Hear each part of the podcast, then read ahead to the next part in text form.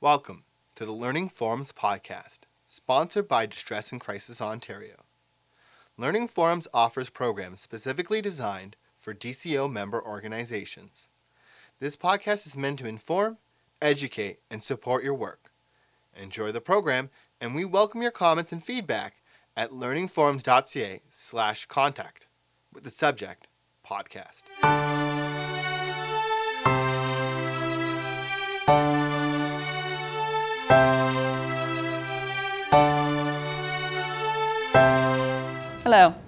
My name is Suzanne Nurse. I work with Epilepsy Ontario. A very common group that we hear from on a regular basis are people who have a family member who lives with epilepsy, and that's what the subject of today's presentation is uh, understanding the impact of epilepsy on family members. So, epilepsy is a neurological condition in which a person has a increased susceptibility to having seizures. And typically, epilepsy would be diagnosed by a healthcare professional when somebody has experienced two or more unprovoked seizures. So, seizures that are not provoked by a fever or by an infection at the time or some sort of recent head trauma, but are considered to be due to a neurological condition that increases that person's risk of having seizures. And epilepsy, while it's a neurological condition that affects an individual, it is a disorder that has widespread implications on other family members. And the implications of epilepsy in terms of the impact on uh, family and, and people within the family are going to depend on a number of different factors. In part, it will be on the age of onset of when the individual begins to have epilepsy, because epilepsy is a condition that can begin at any point across the lifespan, from infancy to late adulthood. And we actually see the highest numbers of new onset epilepsy amongst infants and young children, as well as amongst seniors. So the two, um, the two um, outside edges of the, of the lifespan, the very beginning and the very end, are the times when people are most at risk to develop epilepsy. But epilepsy can begin at any other point across the lifespan as well. But you can imagine the impact on a family is going to be very different if um, somebody within the family has developed epilepsy who is a six month old baby versus having a parent who is in their 80s develop epilepsy. The concerns that people may have the, um, the effects on the other family members um, are going to be very different. And, and again, if somebody has developed epilepsy who's maybe 35, who's a new parent with, um, with children to support and a spouse, these, um, all these different uh, factors in terms of the age of onset are going to have a, an impact on what the effect is on other family members. In addition to the age of onset, other factors that might affect um, the, or have an impact on family members in terms of epilepsy could be the type of epilepsy that their loved one has. So, epilepsy is an umbrella term in many cases, and it would probably be much more accurate to use the term the epilepsies. Because epilepsy is a very um, wide spectrum uh, uh, name uh, to take in a lot of different types of epilepsy disorders. There can be uh, epilepsy disorders where um, an individual may have uh, epilepsy early in life during a specific time frame in development. And as the brain matures, that person may outgrow their seizures and then no longer have seizures uh, later in life. There can be other types of epilepsy that are progressive, that gradually get worse as the individual gets older. Some of these onset in teenage years and can be fatal. There can be epilepsies that begin early in life that are catastrophic, that cause multiple seizure types, and the seizures themselves, because they're so severe, so hard to control, and can be very prolonged, can actually injure the brain and cause developmental delays in children who had been developing normally prior to the onset of the seizures. So, all of these different types of epilepsies are going to have a very big make a big difference in terms of what the impact is on the individual themselves, but also their associated family members. Uh, the seizure types are also going to have an effect on what the impact is of epilepsy on family members. Uh, the very first seizure, because epilepsy has to start with the first seizure. When somebody has their first seizure, most often they would not be diagnosed with epilepsy because it can be very common to have a single seizure and never have another one again. But people who have then another seizure, then their risk of having another having more seizures is much higher and typically somebody would be diagnosed once they've had a second seizure. But everything begins back at the first seizure. And for family members who are present and witness their loved one having that first seizure, they will explain to you if you ask them if they are to call in distress or in a crisis. If you ever ask them what the impact was of witnessing or being present during that first seizure, many people will say to you that they were afraid their loved one was going to die. If they witness somebody having a convulsive seizure, a sudden loss of consciousness where they may have fallen to the floor and then started to have a convulsive movement um, of the muscles in their body, which would be associated with a generalized tonic clonic seizure, they would have worried that their loved one wasn't going to make it. They would have been concerned because they may have not known what to do. They wouldn't have known necessarily how to help the person. They would have um, maybe been concerned, uh, perhaps they weren't breathing well. Respirations can be very shallow uh, during a convulsive seizure, and it's not uncommon for people's lips to turn blue because of the lack of oxygen, which can be common, especially during certain phases of a convulsive seizure. And this can be a very, very scary situation for people to, to witness and to be part of. And, and many people, that fear and that trauma associated with that first seizure is something that they carry with them for a long time. And uh, not only for the family members, but for the individual themselves. The trauma associated with that first seizure is something many people never get the opportunity to talk about and to really um, have a, have a discussion with somebody about what their fears were and what that episode was truly like. One thing that can be very helpful if people are looking for information or support is to have a place that they can go to learn what you can do when somebody has a seizure. Often, when somebody gets diagnosed with epilepsy, a family doesn't necessarily get all the information that they may need.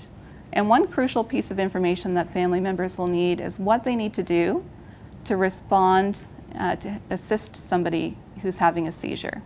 What steps should they be taking? What can they do to keep their loved ones safe?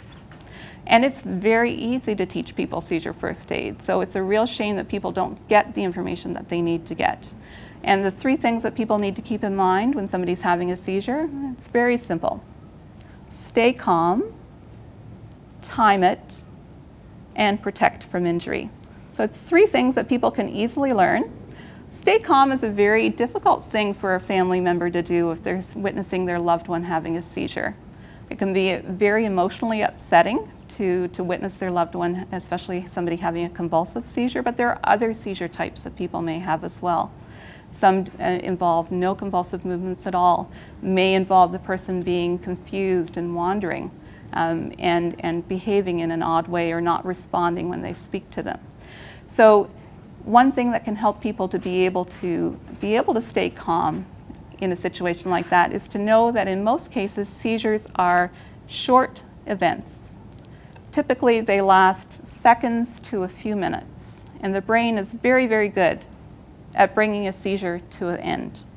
So most seizures will run their course and end naturally on their own. Usually within a seconds to 2 to 3 minutes depending on the type of seizure. When people know that that's the normal course for a seizure, even though it's a, an emotionally charged event, that can at least help people to understand okay, this is probably going to be something that's going to be over soon.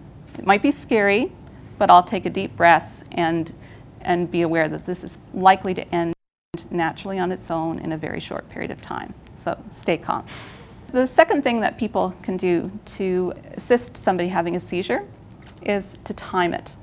And that's not something that people would necessarily think of doing when they come across uh, a loved one having a seizure and are responding to that type of situation. But timing a seizure is extremely helpful. It gives you a sense of understanding how long the seizure is going for, because in that sort of situation where the adrenaline's flowing and you're emotionally upset, time loses all of its normal sorts of, uh, your sense of time is, is distorted. What might be a minute and a half in reality might seem like 10 minutes. And so your ability to understand how long an episode's happening, you just can't judge for yourself without having some sort of sense of time. So most of us don't necessarily have a wristwatch anymore, but there's usually some way close by that you'd be able to know what time it is, whether it's a cell phone or a microwave or a clock on the wall or the, or the PVR in the, in the, uh, uh, that's associated with the TV. So timing the seizure. The third thing is to protect from injury. And the way that you can protect somebody from injury is going to depend on what kind of seizure that person is having. If somebody is having a convulsive seizure, if they fall into the ground and their body is, is, uh, is exhibiting convulsive movements, including their head, if the area that they fall into is a surface that's hard, then that could be a source of injury if, uh, throughout the seizure. So putting something soft under the person's head to cushion it is going to help protect them from harm. The other thing that you can do when somebody's having a convulsive seizure is when you're able to, to turn the person onto their side instead of having them lie on their back. There can be a lot of movement of the muscles in the mouth and the jaw. That can stimulate extra saliva production. If somebody's lying on their back, then saliva can't easily drain, but if somebody's been turned to their side, then the saliva can easily drain. Also, at the end of a seizure, some people do feel physically nauseous and may vomit. If they've been turned to their side, during the seizure. At the end, if they do vomit, then that's going to be a better position for them to be in. If somebody's having a seizure where they're wandering around and they're confused, they don't know where they are, they're not able to assess the environment, then keeping them safe so that protecting them from injury, protecting them from harm, that point of the seizure first aid, is the person who's with, with them is going to be their eyes and their ears that person's going to assess the environment where they are and look to see if there's anything that, they, that is a potential um, a source of injury or a potential source of harm. If they're in a kitchen and somebody's making spaghetti, that pot of boiling water, if somebody's not aware of where they are, what they're doing, that's a potential hazard. So gently guide the person away from that area, maybe to another room if they're in a living room, there's really nothing around that's a hazard, maybe a chair that you could easily move, then there really isn't anything you need to do other than stay with the person until their seizure comes to an end. And then at the end of a seizure, whether it's a convulsive seizure or some seizures that affect levels of, aware- of awareness, some types of seizures, the people will be confused when the seizure ends for a period of time. So protecting them from injury, protecting them from harm is also staying with them when the seizure ends until their normal level of awareness returns. Now, if it's a first time seizure, and you don't know why the person's having a seizure, obviously, they've never had one before, part of keeping them safe would be calling 911. Because then a seizure is a medical emergency, you don't know why it's happening, and that person needs to be assessed to determine what is going on that's causing them to have a seizure. In many cases, when somebody has epilepsy, most often seizure isn't a medical emergency. So then a family needs to know when a seizure would be a medical emergency, and often they're not given that information. So they're, they're often fearful of having a seizure happen because they don't know when they should be taking their loved one to the emergency department and when it would be safe to have the seizure run its course and keep them at home. So the times when you would uh, need to call 911 if somebody has a diagnosis of epilepsy would be if a seizure lasts longer than five minutes. Okay? That's one of the reasons that you time a seizure, so you can assess when it has become a medical emergency for somebody with a diagnosis of epilepsy. So when it's longer than five minutes, it's more than a handful. Okay? Then it, it should be taken out of that person's hands and transferred to somebody who is um, trained uh, to be able to provide emergency medical care. Seizures that don't stop on their own especially by five minutes, are at risk of being seizures that could continue and not stop. And if a seizure is uh, prolonged, if once it is 30 minutes and without stopping, we get into a situation called status epilepticus, which is life threatening. So, if by five minutes the seizure hasn't ended, this is a potential incidence of status that could happen, so you want to call for um, 911. If a seizure, somebody has a seizure, but before they fully recovered, a second seizure begins, that again is a situation where the brain is not maybe able to stop the seizure activity and that person is at risk of going into status. And so that again, that would be good for people to call 911. That would be the appropriate time. And information about uh, how to respond to seizures is something that family members are able to get through their local epilepsy agencies and uh, be able to be taught seizure first aid to understand when a seizure would be a medical emergency. And then for every individual with epilepsy, it's always good for them to ask their primary health care provider, the person who's treating their epilepsy, whether it's their family physician or a neurologist, when is a seizure a medical emergency for me? So that they can provide that information to their family and friends, and people can be more comfortable responding to seizures. Now, other things that can affect and impact families are going to be circumstances such as how well that individual's seizures respond to treatment. About two thirds of people with epilepsy, their seizures will be well controlled with medication, but for one third of people with epilepsy, they will continue to have seizures even while on anti seizure medication. That doesn't necessarily mean that their seizures can't be controlled. If people get referred to the appropriate specialists, and there are neurologists who specialize in epilepsy in this province, and there are um, comprehensive epilepsy centers in various cities, if people get referred to the appropriate specialists, there may be other treatment options that are available for them. And depending on where people live and, the, and, um, and who's treating them, some people live, unfortunately, for decades with uncontrolled seizures when they may have been eligible for other treatment options that could have stopped their seizures. Family coping mechanisms and support systems are going to have a big effect on how well families may cope and, and uh, manage living with epilepsy. And, uh, and, it, and access to appropriate supports and, and services. And people are not always aware of what sorts of supports and services are available to them. Uh, parents who have a child with maybe a very drug refractory epilepsy that is very difficult to control, maybe associated with a lot of seizures. That is a very difficult burden for, for families to live with, and, and families may, parents may need respite care, but may not even know that they're eligible for services like that. And so being able to be referred to maybe a local epilepsy agency where they may be able to find out what sorts of supports and services are available to them can be very helpful to provide provide families, whether it's a parent living with a child who has epilepsy, whether uh, adult children who are worried about their, about their mom or dad who has recently developed epilepsy and they're concerned they may have a fall as a result of a seizure and break a hip. There are all these um, situations where there may be supports within the community that people have access to that they may be unaware of. And unfortunately, there's um, also um, mortality that can be associated with epilepsy there can be different reasons why somebody may die as a result of seizures. Uh, there can be injuries and accidents that can happen when a seizure is occurring, um, drownings that may occur as a result of epilepsy. Um, being aware of appropriate safety precautions is extremely important. People may not necessarily have been given information that taking a bath, especially if they have uncontrolled seizures, is dangerous, especially if there's no one available or no one around who's keeping an eye on them right there in the room or nearby. Um, people may have significant burns or car accidents as a result of a seizure. And there can also be a situation where somebody may suddenly die and there may be no cause that can be determined.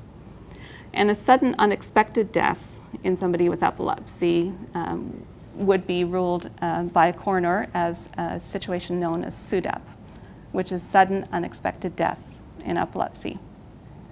And this is something that for family members, they may never have had a discussion throughout the whole course of time when their loved one was living with epilepsy, that there was a risk of mortality and a risk of sudden death. And the shock of finding a loved one who had suddenly died unexpectedly uh, living with epilepsy is extremely traumatic. And unfortunately, some families that we come into contact with, we only come into contact with when a SUDEP, a sudden unexpected death, happens to a family member. And there are sources of support for people to get information about SUDEP while they're living with epilepsy before um, a sudden unexpected death happens. And for people who are um, in a situation where they have a loved one who has suddenly died, there are good sources of support for those family members as well to help them to better understand maybe what had caused or what we know about sudden unexpected death in epilepsy, uh, to provide them with access to support, to have outlets for uh, their grief, to be able to speak to other families who've gone through other situations. There's an organization in Canada called SUDEP Aware, and they have special services for families known as Making Sense of SUDEP. All of these types of resources are um, information and sources of support that people can become aware of and be informed about uh, by contacting their local epilepsy support agency. And there is a 1866 number that people can use um, in, throughout Ontario, across Canada, that will put them in touch with their closest local agency. And that would be 1 866 epilepsy, uh, which is 1 866 374 5377. People can also find out about their local uh, epilepsy agency by going to our website, um, where they'll find uh, links to the epilepsy agency that's closest to them. Thank you.